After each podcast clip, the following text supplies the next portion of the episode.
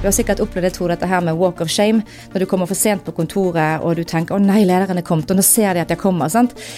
De sjeldneste gangene handler jo det om at folk prøver å skulke unna.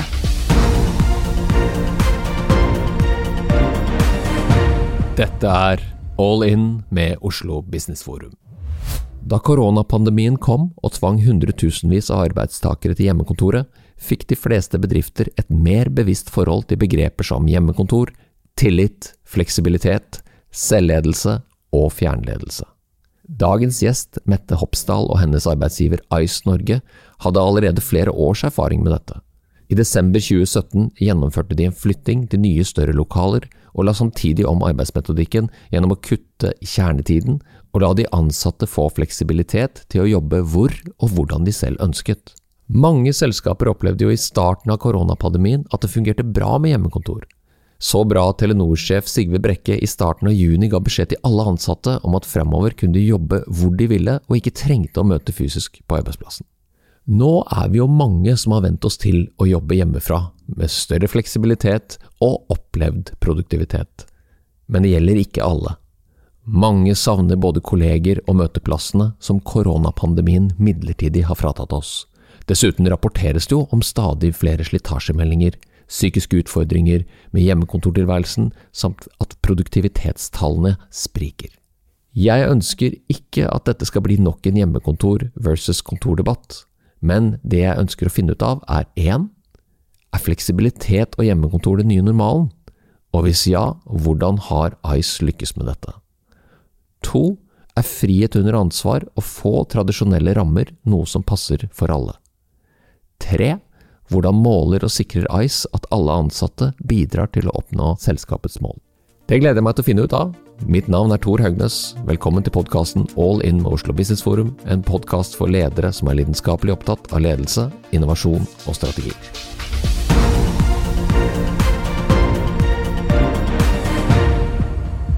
Mette Hopsdal, dere ligger litt foran en god del andre som nå har kastet seg rundt og jobbet med fleksibilitet og hjemmekontor. Ice har jo gjort dette her i flere år. Fortell. Eh, vi flyttet inn fra et tradisjonelt kontor på Bryn eh, for eh, tre år siden. Litt over tre år siden. Og da gikk vi inn i en ny måte å tenke på, fordi vi prøvde å tenke hva er det vi nå trenger for å nå våre mål. Og i forhold til vår strategi så var det viktig også å bytte måten å jobbe på. Så da gikk vi inn til et nytt eh, lokale i Nydalen, som var utformet som et aktivitetsbasert sted å jobbe. Og så er det sikkert at alle vet hva det er, men aktivitetsbasert arbeidsplass, eller ABV, det handler jo om at eh, når du kommer på jobb om dagene, så setter du deg de forskjellige stedene på kontoret som matcher den arbeidsoppgaven du skal drive med den dagen. Eller de menneskene du har behov for å sitte med eller noe så trivielt som dagsformen din. Så du har forskjellige soner. Noen steder er det stille soner, noen steder er det samhandlingssoner, noen steder er det kreative soner hvor du kan tegne på alle veggene. Og tanken er jo at uansett hva du skal drive med, så finner du det i et aktivitetsbasert sted. Og dette var i 2017, var det det? Desember 2017 dro vi inn der. Ja. Og eh, som en konsekvens av det, så gjorde vi en del endringer. Så vi har bl.a. brukt eh, gått enda mer bevisst til verks når det gjelder dette her med å bygge det på tillit. Eh, vi tok i den dimensjonen med fleksibilitet eh, ganske langt og sa det at eh, når man jobber eh, aktivitetsbasert, så har man jo ikke en fast plass. Man sitter det stedet som passer. Og det betyr jo også, konsekvensen der blir jo at eh, de som leder, de sitter ikke nødvendigvis fysisk ved siden av de som de skal lede. Så da kommer plutselig dimensjonen inn med hvordan lede noen du ikke på en måte er nær fysisk. Og derav har vi trent da våre medarbeidere veldig mye etter som nå er blitt veldig nytta, som kalles nå fjernledelse, men som vi har kalt hos oss det nære lederskapet. Mm. Altså hvordan på en måte være tett nok og tilstrekkelig tett nok på sine medarbeidere når du ikke nødvendigvis sitter fysisk tett på dem. Det andre tingen, også dette her med selvledelse og kravet til å lede seg selv. Det står jo også veldig sentralt i den nye måten vi, eh, vi har eh, da organisert oss på. Men så i tre år så har ICE-organisasjonen med over 240 ansatte, er det ikke sånn? Mm -hmm jobbet med dette prinsippet om eh, Hva var det vi lærte på ungdomsskolen? Frihet under ansvar, men jeg husker Det står fremdeles. Det er det. ja, Bare det med det. mye finere ord, selvfølgelig. Ja, det er mye mer fancy. Det er 2020, vet du. Nei, vet du hva, det er jo akkurat samme prinsippet. Eh, og det vi erfarer, er jo at eh, gir du folk muligheten til å være med å påvirke sin egen arbeidshverdag, gir du muligheten til dette her med autonomi, eh, dette her å få lov å sørge for at livene til medarbeiderne går opp. For det er veldig ofte så Du har sikkert opplevd det, Tor, dette her med walk of shame. Når du kommer for sent på kontoret og du tenker 'Å nei, lederen er kommet', og nå ser de at jeg kommer'. sant? De sjeldneste gangene handler jo det om at folk prøver å skulke unna. Men folk prøver jo rett og slett bare å få eh, logistikken i et vanlig gjennomsnittlig liv, hverdagsliv og familieliv til å gå opp med jobben. Så det å da legge til rette for at både jobb og privatliv er enklere å kombinere, det er jo noe som folk responderer veldig bra på, opplever vi. Men Er det en fleksibilitet i grunnen her? Er det noe kjernetid? Er det noe, kan du gå litt i mer detalj hva ja. dere legger i dette? Det vi har gjort uh, de siste årene, uh, det er jo at istedenfor å måle folk på altså Hvor mye jobber egentlig du? Hvis jeg ser deg sitte ved pulten fra åtte til fire, er det en garanti for at du faktisk har gjort ja, jobben din? Ja, supereffektiv da. jo, det er litt den der, Vi er så gammeldags og vi er så veldig sånn, det har skjedd så mye som vi ikke vet å ta hensyn til. da. Så vi måler jo på resultatene. Og vi har jo sagt det at gjør eh, du, ja, Vi tror at du er i stand til å ta de beste avgjørelsene på når og hvor du skal gjøre jobben din. Men vi måler deg ikke på hvor du sitter eh, og når du jobber i løpet av en arbeidsdag. Vi måler deg på det du leverer. Og Det er noe som vi opplever at folkene våre setter veldig stor pris på. Så det er jo ikke, er jo ikke magiske ting, dette her. Det handler jo egentlig om å prøve å nærme seg medarbeidere på deres premisser og få ting til å gå rundt. Da får du lojale medarbeidere som vi opplever vi kan på en måte få til å gå i de retningene vi sammen ønsker å gå. Og det har fungert for alle, kan du si det? Jeg tror at de aller fleste, Vi har jo bl.a. en måling hvert år gjennom en Great Place to Work-undersøkelse som vi bruker veldig aktivt for å høre hvor er folk, hva, hva er feedbacken og hvor skal vi legge trykket.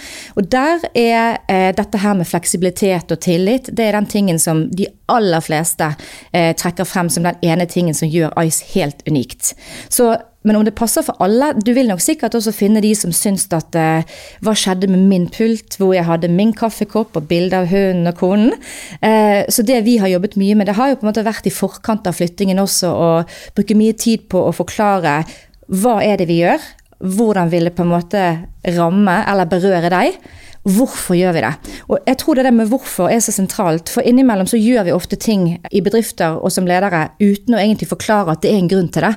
Og hvis folk får en forståelse for at dette henger på greip, det er en tanke bak, og det er bra for oss, da, da er det mye lettere å få folk med. Men vi glemmer veldig ofte den dimensjonen med å fortelle at det er en grunn.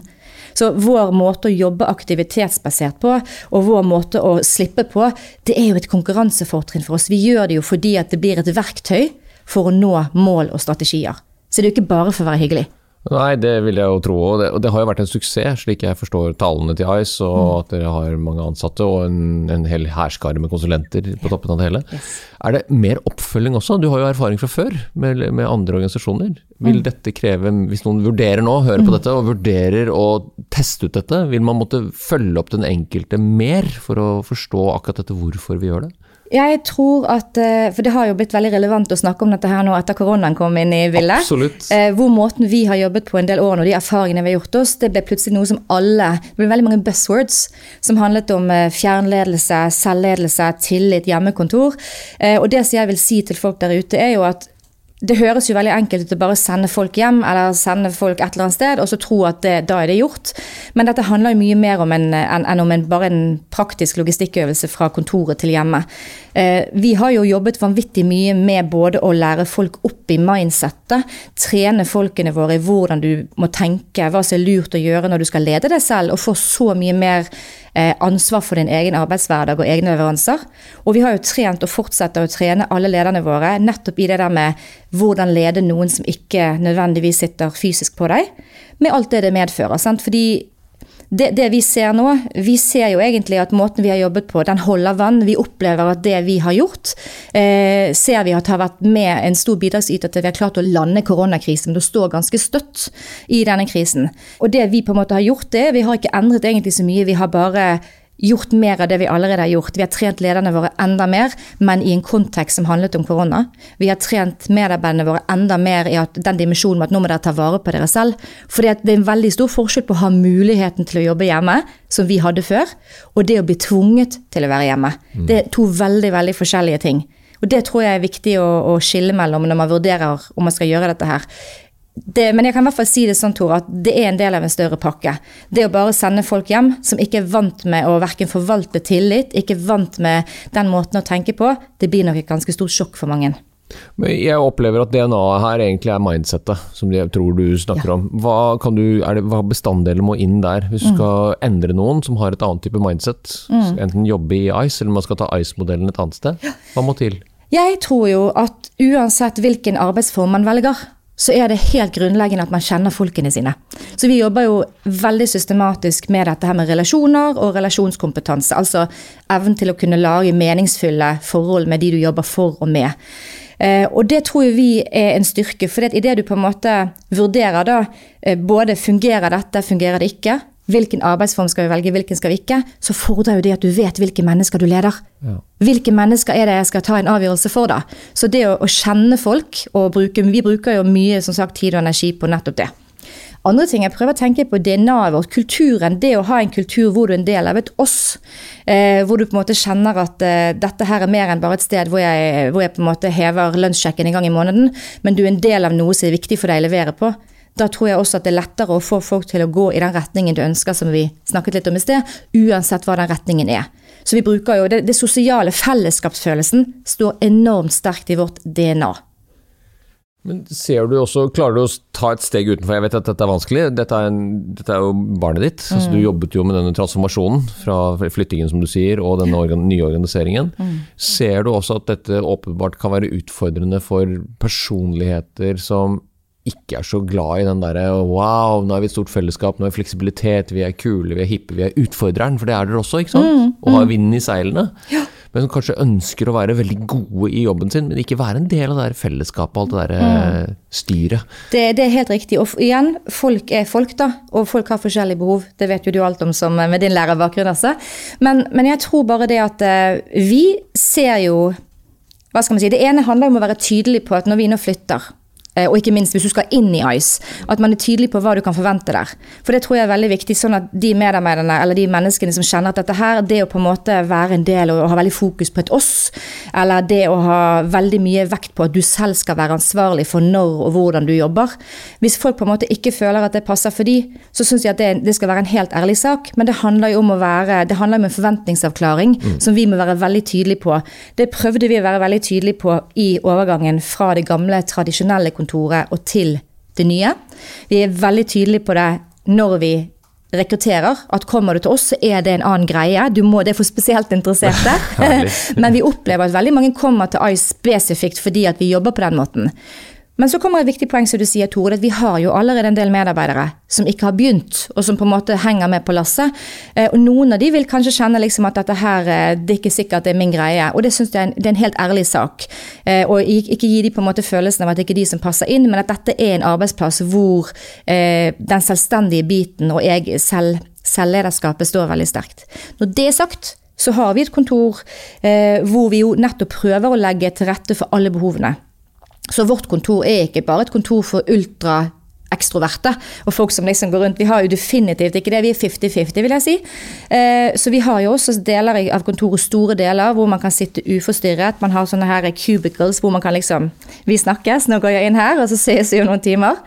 Vi har kontor, eh, vi har Vi prøver jo på en måte å Det er jo det som egentlig er det vi snakker om her. Vi prøver jo å komme medarbeidere i møte der de trenger det. Hva trenger du for å gjøre en god jobb? Og Der kommer vi inn på dette viktige prinsippet med one size doesn't fit all. Sånn at det å gå inn der og tro liksom at du treffer alle med én pil, det gjør du ikke. Så, men igjen, kjenner du folkene dine og forstår at du har en del medarbeidere som syns at det er vanskelig å ikke ha én pult, eh, hvor du på en måte alltid sitter ved siden av naboen din, så er det fine. Men da er det lettere å legge til rette, det er lettere å kompensere. Eller, hvis det ikke det går, å være ærlig på at sånn er det faktisk her. Men det er helt opp til deg om du kjenner at det harmonerer med deg. Men vi jobber mye med å gå inn og gjøre tiltak på medarbeiderens premisser. Og da må du vite hva det er de ønsker, så da spør vi. Vi bruker mye tid og energi på å spørre hva trenger dere, funker dette for dere? En, ser du på dette her som et sånt eh, prosjekt som du skal holde på med noen, noen år, og så se hvordan det går, eller har du et sånt langtidsperspektiv på dette? Som 15-20 år så er dette her en skinnende eksempel til hvordan man skal løse morgendagens og framtidens uh, medarbeiderskap? Det er jo bare til å se egentlig hva som har skjedd nå siden 12. mars, da. Eh, og det er ikke fordi jeg sier ikke at vi har alle svarene. Dette her er jo noe som vi også driver og utforsker. Men det vi anerkjenner, Tor, det er at arbeidslivet det er virkelig endring. Og det som skjedde med koronaen og skjedd med koronapandemien, det har jo vært en stor katalysator som gjør at den det har akselerert og fått veldig mye mer fart. Jeg har ingen tro på at vi noensinne kommer til å gå tilbake til sånn som det var. Og jeg tror dette her, Personlig syns dette her er long overdue, så jeg er glad for at det kommer. Eh, og vi har jo gjort oss en del erfaringer. Men snakker du med medarbeidere rundt omkring nå i ulike bedrifter, så er det jo ingen som har noen tro på at dette her, at vi skal gå tilbake igjen. liksom, Nå var koronaen ferdig. Så nå går vi tilbake, og så slutter vi å hilse på hverandre igjen, og så gjør vi det sånn som vi har pleid å gjøre. Dette her er kommet for å bli. Så jeg, vi gjør ikke dette som noe prosjekt. Dette er den måten man skal jobbe på fremover. Selvfølgelig finne ulike eh, vinklinger som passer for hver enkelt bedrift og hver enkelt medarbeider. For igjen, vi må forholde oss til at folk er ulike. Men, men eh, dette her kommer ikke til å forsvinne på noen som helst måte. Men det kommer til å ta ulike former. Sånn at når diskusjonen som jeg hører rundt omkring med er det hjemmekontor den nye normalen, er kontoret den nye normalen, så syns jeg at det er en veldig unyansert eh, diskusjon. Fordi at det handler ikke Det kommer aldri, tror jeg, til å skje at alle kommer til å være hjemme. Og det er heller ikke ønskelig. Men jeg tror aldri heller at det kommer til å skje at alle som var på kontoret tidligere, kommer til å være på kontoret bare på kontoret. Det Mette snakker om her, får meg til å tenke på boken som ble kåret til en av de beste businessbøkene i 2020. No Rules Rules, skrevet av initialprofessor Erin Meyer, som for øvrig kommer til Oslo Business Forum i 2021. Her går hun gjennom hvordan Netflix har lykkes med å bli en av verdens mest innovative selskaper. Ikke minst en av verdens beste arbeidsplasser. Der står virkelig transparens, frihet under ansvar og fleksibilitet i fokus. Blant annet har Netflix innført absolutt at alle ansatte kan ta så mye ferie de bare vil, når de vil, og at ingen ansatte trenger godkjennelse for innkjøp. Konteksten de bruker i kommunikasjonen til ansatte, er at hver enkelt skal være i stand til å handle i beste interesse for selskapet Netflix, noe som har ført til utrolig gode resultater. Dette er jeg nysgjerrig på å høre mer om fra Mette. Jeg har et konkret spørsmål, i den grad du kan svare på det. Hvor mye fleksibilitet har dere i praksis? Altså, hvordan gjør dere f.eks. med ferie? Kan man mm. ta ut så mye ferie man vil i ICE, eller hvordan kan man komme og gå som man vil i ICE? Hvordan ja. er dette? Vet du hva, det, vi, det jeg pleier å si, det er at den fleksibiliteten og tilliten vi har, den eksisterer jo på ingen måte i et vakuum. Det er jo ikke liksom sånn at ja, whatever, see you if I see you og sånt. Eh, vi har fast ordning på ferier, det har vi. Ja. Eh, men det handler litt om forutsigbarhet. Sant? Hvem er det vi har der, hvem er det vi ikke har, å kunne planlegge. Men når det gjelder fleksibilitet sånn ellers, så sier vi jo det at du har valget til å velge hvor og når du vil jobbe. Vi måler deg på resultatene. Men eh, det vi har sagt, det er jo det at eh, for mitt vedkommende skal jeg ha ledertrening. Et ledertreningsprogram. Så det er helt håpløst. Jeg kan ikke. Nå er jo koronaen gjør det litt spesielt, men til vanlig vil jeg jo si det er ikke noe option at du kan sitte hjemme og delta på et ledertreningsprogram. På samme måten så vi, vet vi at mange ulike ledere hos oss og, team har liksom diskutert ok, vi kan jobbe hvor og når vi vil, men hvordan skal vi få det til å fungere i praksis hos oss? Hvor medarbeidere selv har sagt du, jeg vet ikke vi trenger å be om lov til å sitte hjemme. Men kan vi gjøre det til en greie at vi, at vi bare gir hverandre beskjed om at ikke vi er på huset? Sant? Så vi på en måte slipper å lete etter noen fysisk. Eh, andre steder så vet jeg at de fleste lederne hos oss de har liksom inngått liksom, eh, avtaler med sine medarbeidere om at avdelingsmøtene så, så, langt det lar seg gjøre, hvis ikke det er noe som virkelig er krise, så foretrekker vi at det, det gjør vi fysisk. Ja, så. Ja. Ja. så det, det, er ikke noe som på en måte, det er ikke sånn at alt bare svever. Men folk har muligheten til å eh, kunne rigge hverdagen sin. Og en interessant poeng der, Tor, Vet du hva det er? Det er at Lenge før koronaen kom, så hadde jo folk muligheten til å jobbe hjemme hos oss også. Men for det vi lurte på da vi slapp, det var jo Tenk hvis ingen kommer til det nye, fantastiske kontoret som vi har investert så mye i. Men folk gjorde ikke det. De eneste gangene folk brukte muligheten til å sitte hjemme, det var enten fordi at du har en, en eh, håndverker eller en rørlegger eller et eller annet som kommer mellom åtte og fire, så du har behov for å sitte hjemme. Du har et eh, barn som skal til skoletannlegen midt på dagen. Det er noe logistikk der.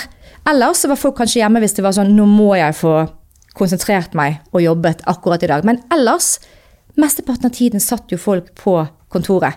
Og det kan man jo spørre seg, når folk på en måte har muligheten til å sitte hjemme, hvorfor gjør de det ikke?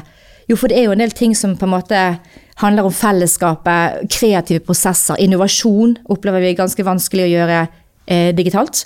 Så, så, det er en del, ikke alle tingene som har like gode vekstvilkår hjemme. Nei, er Mulig jeg er gammel og begynner å bli øh, vanskelig å tungnem, men jeg syns jo det er vanskeligere å interagere også, selv i samtale med noen mm. på nettet. For at du, du klarer ikke helt å time alltid Når skal jeg spørre, når skal jeg slutte å, å prate? Og da skjer det noe med det der litt sånn magiske greia når vi møtes. Som foreløpig så er teknologien ikke helt på plass. Den kommer nok dit. Altså, det gjør det. Vi blir mer vant med det. Et spørsmål om Ja. Og vane, som du sier. Ja. Men jeg også vil grave enda litt mer i den. Hvis noen fant ut at de skulle gå på en eh, flott konferanse til høsten i 2021, f.eks. I, i regi av Oslo Business Forum, mm. måtte de få noe godkjenning fra, fra, lederen sin, sånn som de gjør i alle andre organisasjoner? Eller er det frihet til å gjøre sånt også? Snakker du på en måte om da tiden eller det økonomiske? Ja, det er begge deler. Ja.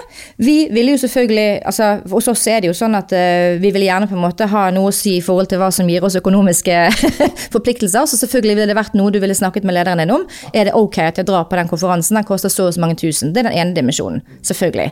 Den andre dimensjonen er at vi er jo opptatt av at det som gjør at du klarer å levere på strategien, det er bra.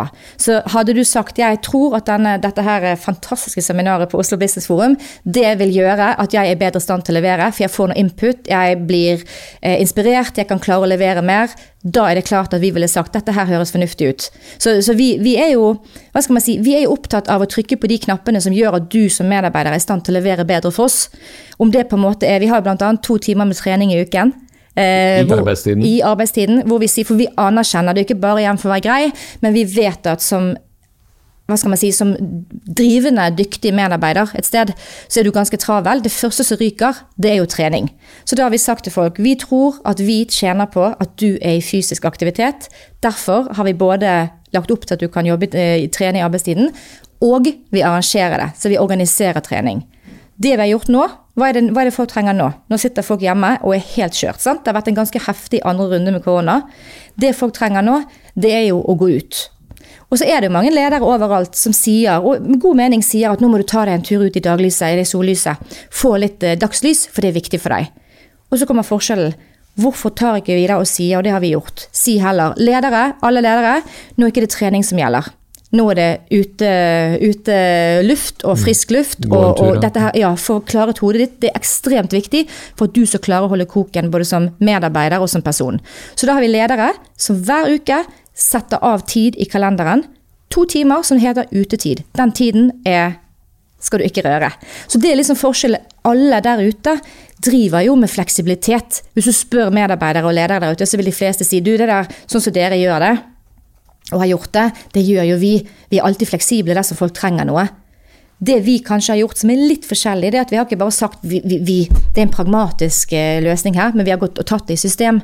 Og så, så forplikter vi oss, og vi har sagt du har fleksibiliteten og tilliten til å orge din egen arbeidsdag. Selvfølgelig innenfor gitte rammer. Ja, kjempespennende. Jeg blir jo, jeg, svar om du kan. Er det også sånn at medarbeiderne kjenner hverandres målepunkter? Altså Du sier at det er frihet under ansvar, så ja. er det transparens mellom uh, hvis jeg skal gjøre noe, så vet kollegaene mine hva jeg skulle ha gjort overfor deg som leder? Ja, ja. det er det. Vi har, eh, det er på en måte noe vi har jobbet mer med frem. Vi har alltid vært opptatt av transparens, for vi tror det er veldig viktig.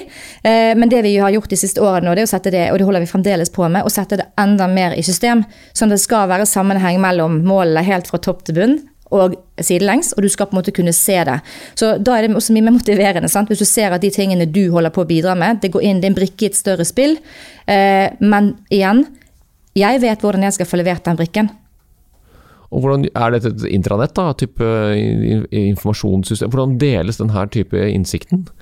Det kommer litt an på. Nå er det jo liksom, Om vi snakker før eller etter korona, for det er to veldig forskjellige ting. Vi har jo eh, allmøter Eh, som vi tidligere har hatt fysisk på det store torget vårt på kontoret. Nå er de digitale. Det er jo på en måte en, form for dette her med å eh, viderebringe informasjon. Vi har Ice Awards, som handler på en måte om å trekke frem beste praksis. De som har gjort noe. For det vi ønsker jo å forsterke en eller annen viss form for atferd. Eh, så det har vi. Nå digitalt, tidligere eh, på torget. Eh, vi har, bruker veldig mye ting som Teams, vi samhandler på Workplace, og kulturen vår på Workplace Man kan av og til tenke at kultur og sånne ting er litt fluffy, det er litt lite håndgripelig, sant? men det er solid, altså. Det er et av de viktigste konkurransefortrinnene våre. Det er jo nettopp at vi har en kultur hvor folk syns det er helt ok og, på Workplace, da. Og ønsker helt nye folk som ikke de kjenner velkommen. Så hver gang det kommer en ny person, blir presentert der, og så har du hele organisasjonen som er sånn velkommen. Det er ganske sterkt for en ny person å komme inn i en organisasjon og ha liksom 100 stykker som ikke du kjenner, som sier 'vi er så glad for å ha deg på plass', velkommen. Eller 'gratulerer med dagen', eller hva som helst, da. Så, så vi, vi, bruker liksom alle slags kanaler. Eh, og vi har ikke latt oss egentlig stoppe. Vi har bare tenkt da koronaen kom at nå må vi Hvordan skal vi? Og det er sikkert mange som også kjenner på hvordan skal vi ta eksisterende gode arenaer for kommunikasjon, som tidligere har vært fysisk, og flytte over til det digitale formatet. Det er noe vi ikke kom til havn med. Eh, vi syns jo også det er vanskelig. Men, men, det som i hvert fall er viktig, er å ikke resignere og tenke at ja ja, vi får vente til koronaen er ferdig. For vi, vi vet jo ikke når dette slutter. Det gjør vi ikke. Nei. Jeg vil bare følge opp litt på den Du snakker om at dette passer ikke for alle. Altså det er ikke nødvendigvis at dette med selvledelse også er automatisk noe som du får lyst til å bli motivert av og bidra til. Og hvordan håndterer dere de som da ikke nødvendigvis tar dette til seg? Ja. Nå vil jeg bare skille litt, for det ene er jo dette med aktivitetsbasert arbeidsplass, som handler om å ha eh, veldig fleks for hvor du sitter. Når det gjelder dette her med selvledelse, det å få lov å lede seg selv og få lov å ha autonomi, det må jeg være helt tydelig på at det ser ikke vi eh, det, det, skiller vi med. for Det syns ikke vi er vi ser ikke så veldig mye motstand mot det. Nei. For uansett hvordan du er skudd sammen som medarbeider og som person, så er det de færreste som har noe imot å få lov å være med og bestemme over sin egen hverdag. Så vi opplever at det er ganske felles, uavhengig av hvordan du er som person, at folk setter pris på det å få lov å være med og påvirke sin egen arbeidshverdag, og den fleksibiliteten. Men eh, det som er et viktig poeng, da, når vi skal starte en måte å arbeide på, et mindset og en måte å organisere en arbeidsplass på, så har du den ene av to forskjellige tilnærminger, tenker jeg. Det ene er vi må sørge for at ingen klarer å snike seg unna. Så nå skal vi sørge for et vanntett system som er bygget på kontroll, for her skal ingen på en måte få noe gratis. Da sørger du for at på en måte alt blir sant? Alt sjekker inn og sjekker ut, og det er ingen som klarer å snike til seg noe ikke de skal ha. Fine. Men hva skjer med kulturen? Og hva skjer med motivasjonen?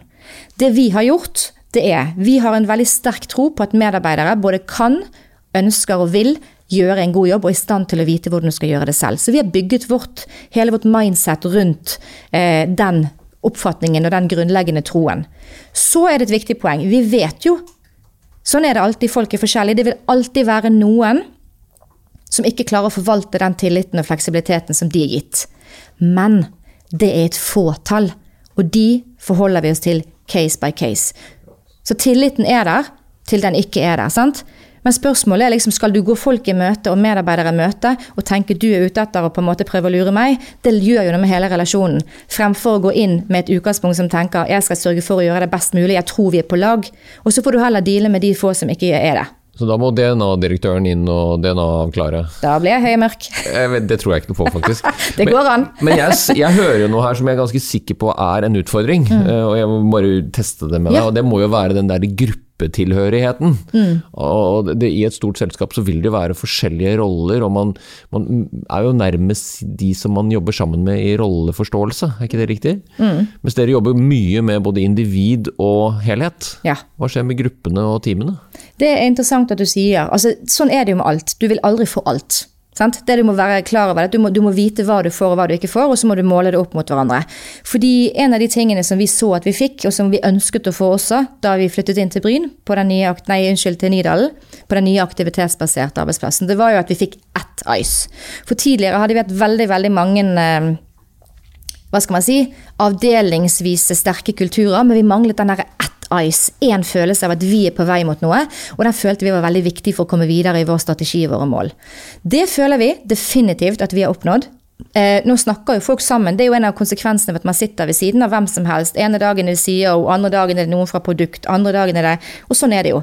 Så, men det som selvfølgelig som du plukker på der, det er jo at det som skjer da, det er at ice, og den følelsen av på tvers, den er veldig sterk. Mens det som kanskje litt eh, går litt på bekostning av, det er jo den følelsen av den eh, avdelingsvise kulturen.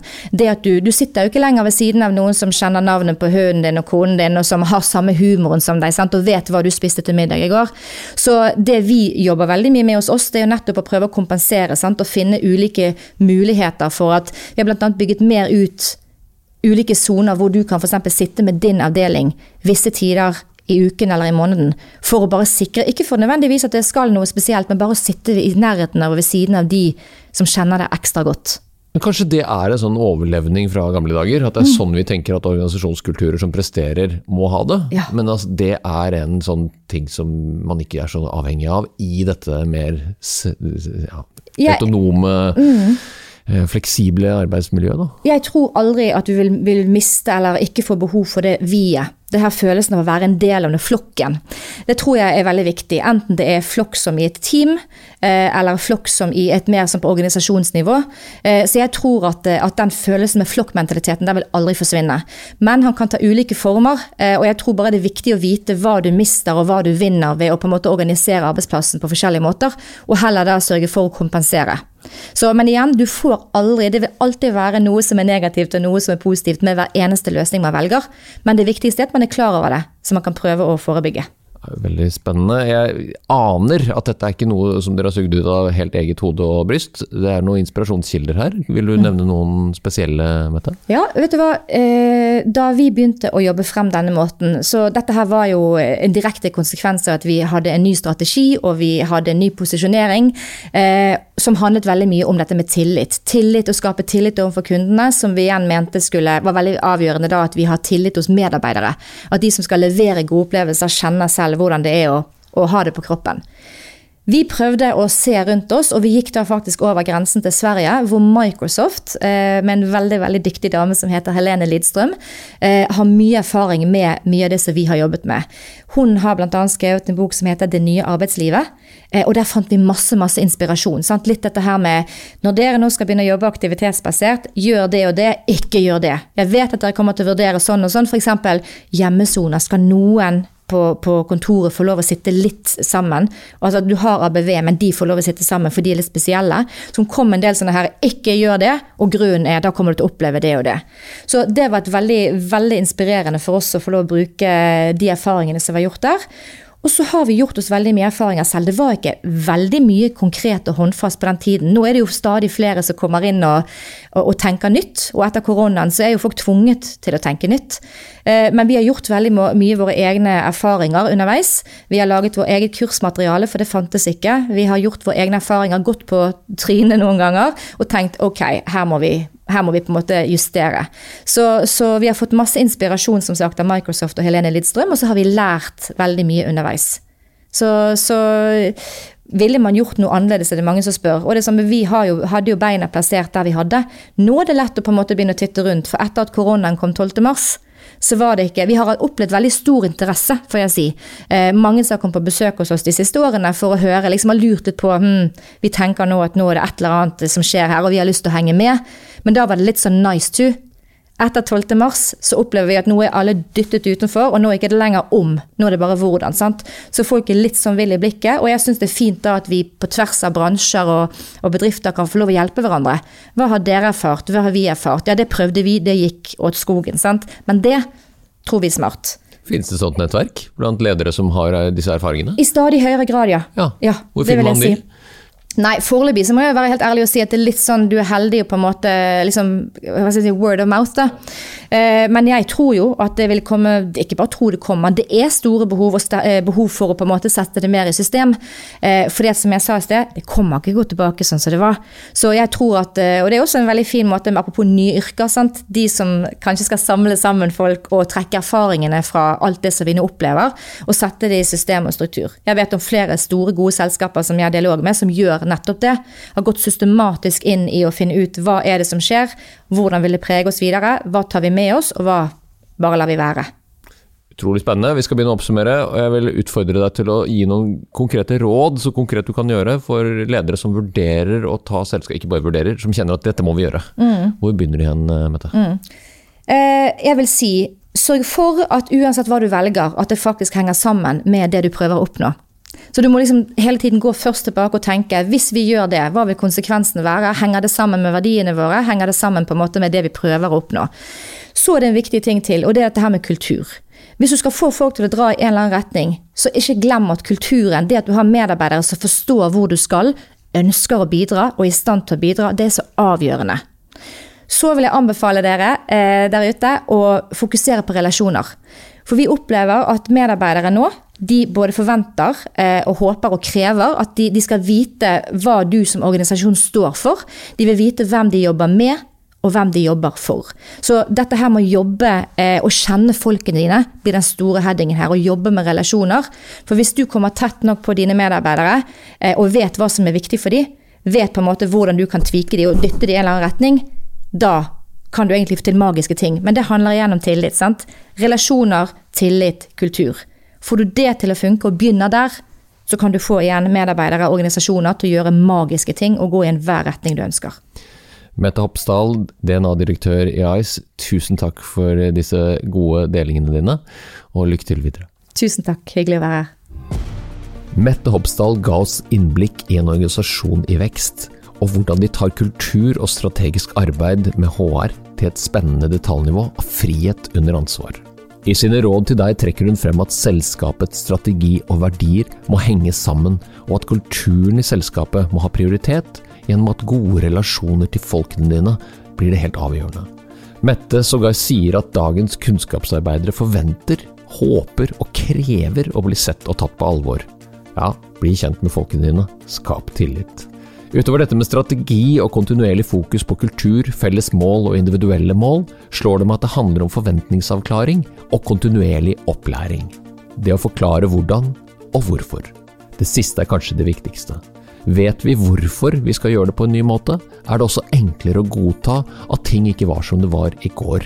Og ikke bare se innvendingene, men de nye fancy måtene å beskrive arbeidslivet som alltid er i endring.